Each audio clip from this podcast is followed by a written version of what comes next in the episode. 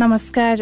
Radio कार्यक्रम स्वास्थ्य सन्देशमा स्वागत छ। म बिनानी उपाने। स्वास्थ्य सन्देशमा हामी दसैँ विशेषमा रहेर कुराकानी गरिरहेका छौँ। दसैँमा कस्तो खाना खानुपर्छ र कसरी हामी स्वस्थ रहन सक्छौँ भनेर समस्या र समाधान खोज्ने प्रयास गरिरहेका छौँ। रेडियो क्यान्डिडेट बयानब्बे दशमलव सात मेगा हर्जमा कार्यक्रम स्वास्थ्य सन्देश।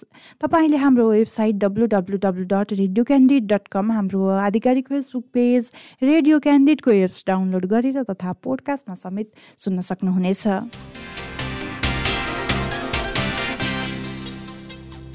आज दसैँको नवौँ दिन अर्थात् नवमी। दसैँ भन्ने बित्तिकै मिठो खाना खाने र राम्रो लाउने चाड भन्ने बुझाइ आम मानिसमा रहेको छ। त्यसैले दसैँमा आफ्नो गच्छे अनुसार सबैको घर घरमा नयाँ लुगा लगाउने मिठो परिकार पाक्ने गर्दछ। दसैँमा सबैभन्दा बढी खपत मासुको नै हुन्छ। हुने खानेको घरमा चुलो मात्रै नभएर हुँदा खानेहरूले पनि ऋण काटेरै भए पनि मासुको स्वाद धेरै लिने गर्दछन् यो दसैँमा। यो चाडमा अधिकांश नेपालीको भान्सामा खसीको मासु नै पाक्छ। त्यसको अलावा कुखुराको मासु र माछा पनि अत्याधिक रूपमा प्रयोग हुने गरेको छ। मासु नखानेहरूले पनि दसैँ त हो भनेर धेरै चिल्लो तथा पिरो परिकारहरू खाने गरेको पाइन्छ। जसले गर्दा दसैँ सकिने बित्तिकै धेरै अस्पतालसम्म धाउनु पर्ने पनि हुन्छ। त्यसैले दसैँमा हामीले मासु खाने होस् या नखाने व्यक्तिले कस्तो खाना कसरी खानुपर्छ भनेर केन्द्रित हुँदैछौँ। मुख्य कुरा चाहिँ कति खानेमा पनि हामीले ध्यान दिनुपर्ने हुन्छ। कुनै पनि एकजना व्यक्तिको लागि चाहिँ सरदर चौध सयदेखि सोह्र सय क्यालोरीको खानुपर्ने हुन्छ। अनि यसको लागि चाहिँ हामीले दिनभरिमा पाँचचोटि छचोटि अथवा तिन चार घन्टाको फरकमा सबै कुरा अलिअलि मिलाएर खाँदाखेरि चाहिँ एकदमै सन्तुलित हुने गरेको छ। रेडियो क्यान्डिडेट बयानब्बे दशमलव सात मेगा हर्जमा कार्यक्रम स्वास्थ्य सन्देश। तपाईँले हाम्रो website W dot radio candidate dot com हाम्रो आधिकारिक फेसबुक पेज रेडियो क्यान्डिडेटको एप्स डाउनलोड गरेर तथा पोडकास्टमा समेत सुन्न सक्नुहुनेछ। दसैँ यस्तो चाड हो जसको सामाजिक र धार्मिक प्रभाव अत्याधिक छ। दसैँ खानासँग पनि जोडिन्छ। पाहुना आएपछि त खाना दिनै पर्यो। दसैँमा मिठो मसिनो खाने चलन नै छ। दसैँमा मासुसँग धेरै गाँसिएको चाडभन्दा फरक नपर्ला। पहिला पहिला मानिससँग धेरै पैसा थिएन त्यसैले दसैँको बेलामा मासु खानुपर्छ भन्ने चलन पनि बढ्यो। तर हाल मानिसहरू अरू बेलामा पनि मासु खाइरहेका हुन्छन्। दसैँको बेलामा मासुको धेरै कुरा आउँछ। मानिसको आयु पहिलाभन्दा बढेको छ भने स्वास्थ्य समस्या पनि त्यही अनुसारले थपिएको छ। यसको मुख्य कारण हाम्रो जीवनशैली र खानपानलाई नै मानेका छन् चिकित्सकले। थप जानकारी लिनको लागि हामीले यो दसैँलाई हामीले कसरी सभ्य अनि भव्य बनाउन सक्छौँ कस्तो खाना खाइयो भने भनेर कुराकानी गर्दैछौँ। कुराकानी गर्नको लागि हामीसँग हुनुहुन्छ ओम अस्पतालमा कार्यरत डाइटिसियन शिखर दाहाल। स्वागत छ यहाँलाई स्वास्थ्य सन्देशमा। नमस्ते। दसैँमा रहेर कुराकानी गरिरहेछौँ हामीले। सबैभन्दा पहिला यहाँलाई दसैँको धेरै धेरै शुभकामना। धन्यवाद तपाईँलाई पनि दसैँको शुभकामना। यो दसैँलाई हामीले अझ हर्ष उल्लासको साथ मनाउनको लागि भनौँ यहाँ आफै डाइटिसियन हुनुहुन्छ। दसैँमा कस्तो कस्तो खाना चाहिँ हामीले खानै पर्छ? मुख्य कुरा चाहिँ अब दसैँ चाहिँ अब हामी सबै हिन्दूहरूको लागि एकदम महत्त्वपूर्ण चाड पनि रहिआएको छ। अनि वर्ष दिनमा एकचोटि मनाउँदाखेरि सबैजना सबै सँगै बसेर मिठो मिठो खाएर हर्षोल्लासका साथ मनाउने पनि गरिरहेको हुन्छ। अब यतिखेर हामीले चाहिँ के चाहिँ ध्यान दिनुपर्ने हुन्छ भने दसैँमा मिठो खाँदाखेरि हामीले एकदमै धेरै माछा मासुको परिकारहरू खाने गर्छौँ। साथसाथै रमाइलोको लागि मदिरा पानीहरू पनि एकदमै व्यापक हुने कुरा चाहिँ आइरहेको नै छ। तसर्थ हामीले दसैँको लागि स्पेसल खाने भन्दा पनि हामीले दैनिक रूपमा खाइरहेको सामान्य खानेकुराहरूलाई नै सन्तुलित रूपमा खानु नै उपयुक्त हुने हुन्छ। अब यो सन्तुलित रूपमा खाने त भन्नुभयो। सन्तुलित रूपमा खाँदाखेरि चाहिँ बिहानदेखि बेलुकासम्म अब कसरी कुन कुन खानालाई समावेश गर्ने? सामान्यतः सन्तुलित खानामा चाहिँ हामीले खानुपर्ने महत्त्वपूर्ण कार्बोहाइड्रेट प्रोटिन अनि त्यसपछि फ्याट्स एन्ड यो ओइल अनि भिटामिन मिनरल फ्लुइड वाटर अनि फाइबरहरू सबै नै समावेश भएको हुन्छ। अनि अब कति खाने मुख्य कुरा चाहिँ कति खानेमा पनि हामीले ध्यान दिनुपर्ने हुन्छ। कुनै पनि एकजना व्यक्तिको लागि चाहिँ सरदर चौध सयदेखि सोह्र सय क्यालोरीको खानुपर्ने हुन्छ। अनि यसको लागि चाहिँ हामीले दिनभरिमा पाँचचोटि छचोटि अथवा तिन चार घन्टाको फरकमा सबै कुरा अलिअलि मिलाएर खाँदाखेरि चाहिँ एकदमै सन्तुलित हुने गरेको छ। यसमा पनि अब उमेर समूह अनुसार बालबालिका भनौँ युवा पुस्ता अनि उमेर बढ्दै जाँदा ज्येष्ठ नागरिक भनौँ उहाँहरूले चाहिँ अब कसरी कति मात्रामा खानुपर्ने हुन्छ? यो खानेको एकदमै महत्त्वपूर्ण कुरा सोध्नुभयो। खानेकुरा चाहिँ अब हामीले उमेर समूहको आधारमा पनि कति खाने कसरी खानेमा एकदमै डिटर्माइन चाहिँ भइरहेको हुन्छ। जस्तै बालबालिकाहरूको लागि चाहिँ उनीहरूको बढ्दो उमेरको लागि एकदम high calorie high protein diet चाहिएको हुन्छ। उनीहरू सामान्यतः हामी वयस्क व्यक्तिले भन्दा बालबालिकाले अलि धेरै खाइरहेको हुन्छन्। अनि तसर्थ नै यता अब वयस्क व्यक्तिहरूले चाहिँ उनीहरूको दैनिक क्रियाकलाप गर्नको लागि उनीहरूलाई चाहिने सञ्चित इनर्जी पुर्याउनको लागि पनि पोषणयुक्त खानेकुराहरू पर्याप्त मात्रामा खानुपर्ने हुन्छ। भने अब यता वृद्ध अवस्थामा गएपछि चाहिँ उनीहरूको दैनिक कार्यक्षमताहरू कम हुने ह्रास हुँदै गइरहेको हुने अनि एजिङले गर्दाखेरि उनीहरूले अब एकदमै हाई क्यालोरी भन्दा पनि उनीहरूको लागि चाहिँ माइक्रोन्युट्रियन्ट डेन्स फुडहरू जसले गर्दा उनीहरूको एजिङलाई डिले होस् अथवा उनीहरूको इम्युनिटी बुस्ट होस् भनेर त्यस खानेकुरामा चाहिँ विशेष जोड दिनुपर्ने हुन्छ। अनि यस इम्युनिटी बुस्टरको रूपमा चाहिँ हामीले फलफुलहरू अथवा सागसब्जी सलादहरू जसमा माइक्रोन्युट्रियन्टहरू अथवा प्रोबायोटिकहरू एकदमै धेरै मात्रामा रहेको हुन्छ त्यो खानेकुरा चाहिँ यो वृद्ध वयस्कलाई भन्दा वृद्ध व्यक्तिहरूलाई चाहिँ अलिक धेरै मात्रामा दिनुपर्ने हुन्छ। अब दसैँ भनिसके पछाडि धेरैजनाले अब मासुको नै चाड भनेर पनि बुझिन्छ। अब जति पनि मासु खानेहरू हुनुहुन्छ नखानेहरूको लागि अब चिल्लो तथा प्रोटिनयुक्त खानेकुरा धेरै भएको पनि खाने गर्नुहुन्छ। अब यो मासु खानेको कुरा गरौँ पहिला। मासु खाँदाखेरि अब यो जुनसुकै उमेर समूहको व्यक्तिले पनि भनौँ कस्तो खालको मासु चाहिँ खानुपर्ने हुन्छ? विशेष त अब यो दसैँ तिहारलाई चाहिँ हामीले मासु मङ्सहरू नै धेरै खाने चाडपाडको रूपमा पनि लिइरहेको हुन्छौँ। अनि यो चाहिँ कुनै निश्चित समुदाय भन्दा पनि अथवा जनजाति भन्दा पनि नेपालमा रहेको। सम्पूर्णले नै यसलाई हर्षोल्लासका साथ मनाउनु पनि हुन्छ। अब यसमा हामीले ध्यान चाहिँ के दिनुपर्ने हुन्छ भने अब मासुहरू सामान्य मात्रामा ठिक्क मात्रामा खाँदाखेरि चाहिँ सबैको लागि स्वस्थ गर्ने हुन्छ। तर हामीले यो विशेष चाडपर्वमा भनेर हामी अलिक धेरै खाँदाखेरि चाहिँ मासुमा हुने रेड मिटहरूमा हुने कोलेस्ट्रोल लेभलहरू अथवा युरिक एसिड लेभलहरू हाई हुने हुँदाखेरि त्यसले गर्दाखेरि चाहिँ शरीरमा अथवा किडनीहरूमा समस्या आउने ब्लड युरिन युरिया लेभल बढ्ने कोलेस्ट्रोल लेभल बढ्ने समस्याहरू चाहिँ एकदमै धेरै रहेको हुन्छ। तसर्थ हामीले मासु खाँदाखेरि चाहिँ दैनिक चालिसदेखि साठी ग्रामसम्म चाहिँ दैनिक खाँदा हुन्छ।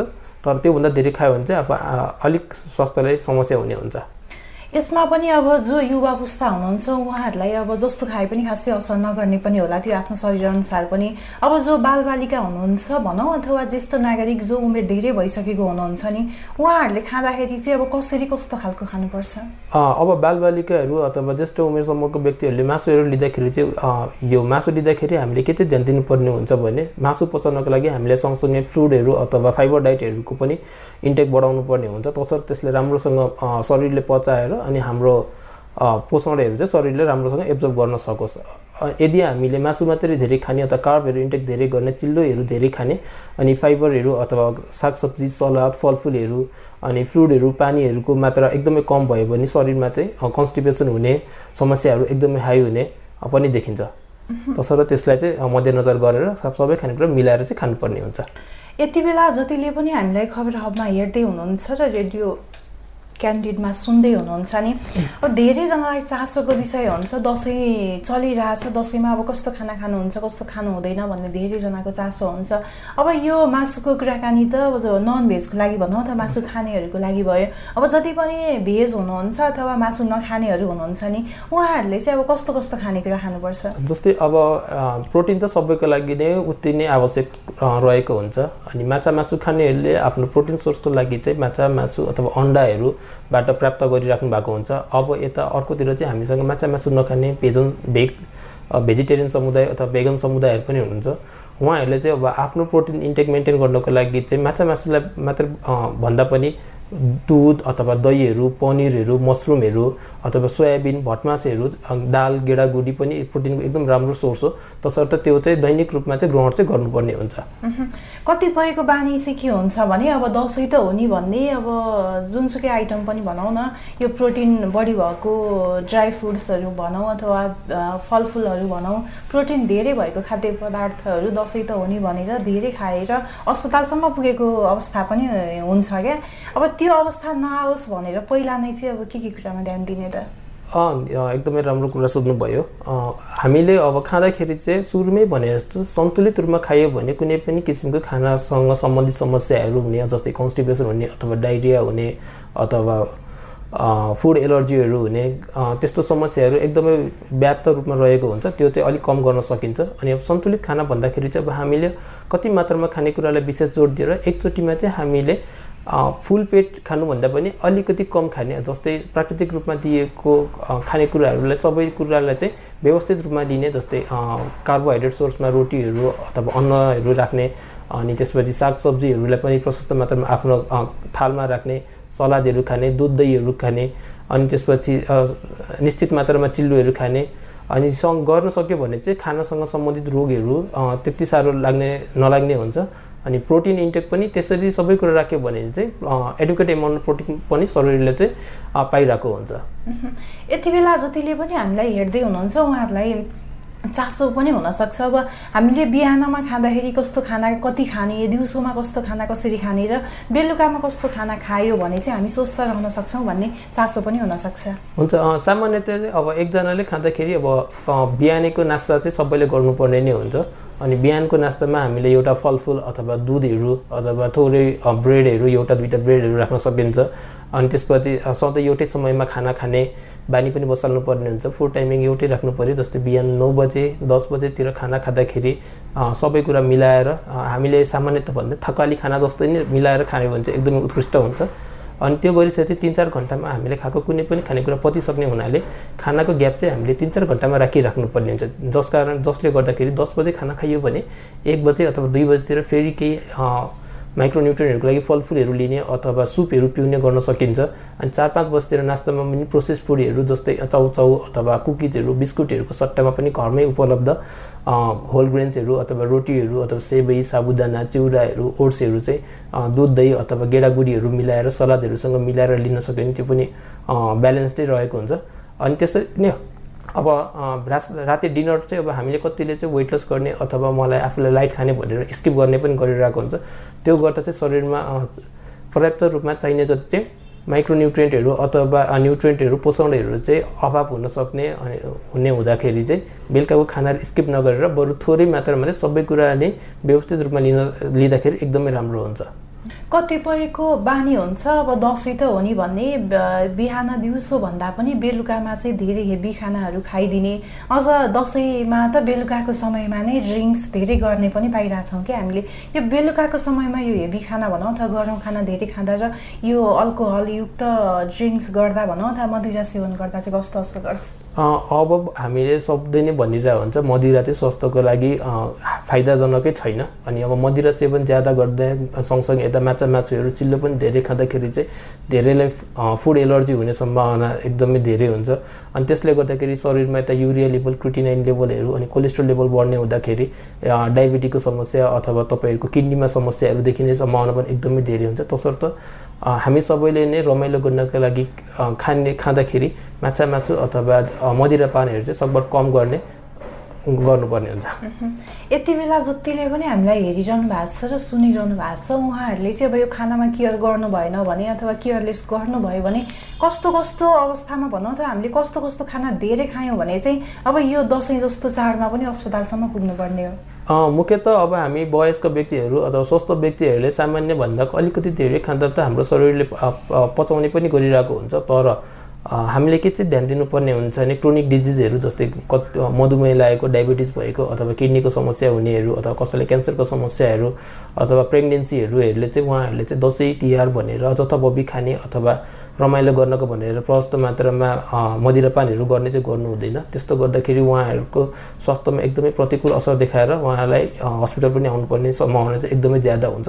तसर्थ रमाइलो गर्दाखेरि हामीले व्यवस्थित रूपमा सन्तुलित खानाहरू नै खानु प्रयोग गरेर आफूलाई रोग लाग्नुबाट बचाउनु नै एकदमै राम्रो उपाय हो।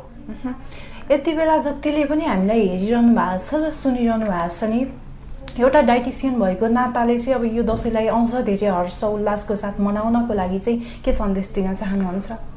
अब आउँदो यो दसैँमा चाहिँ सबैजनाले अब परिवारहरूसँग बसेर हर्षोल्लास साथ मनाउने गरेकोमा चाहिँ अब तपाईँहरूले आफ्नो खानाहरू खाँदाखेरि एज अ डाइटिसियनको रूपमा भन्दाखेरि चाहिँ मनाउँदाखेरि रमाइलो गर्दाखेरि हामीले खानालाई मात्र भन्दा नि परिवारहरूसँग भेटघाट गएर रमाइलो हर्षोल्लासाथ मनाउनको लागि हामीले बढी प्राथमिक राख्नुपर्ने हुन्छ।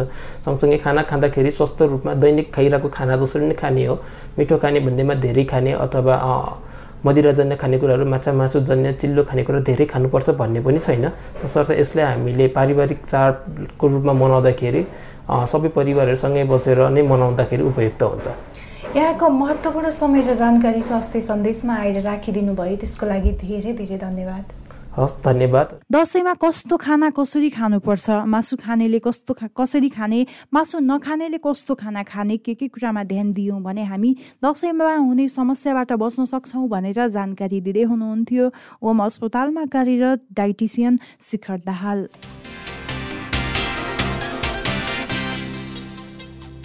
Radio Candid बयानब्बे दशमलव सात मेगा हर्जमा कार्यक्रम स्वास्थ्य सन्देश तपाईँले हाम्रो website W dot radio candid dot com हाम्रो आधिकारिक फेसबुक पेज रेडियो क्यान्डिडको एप्स डाउनलोड गरेर तथा पोडकास्टमा समेत सुन्न सक्नुहुनेछ।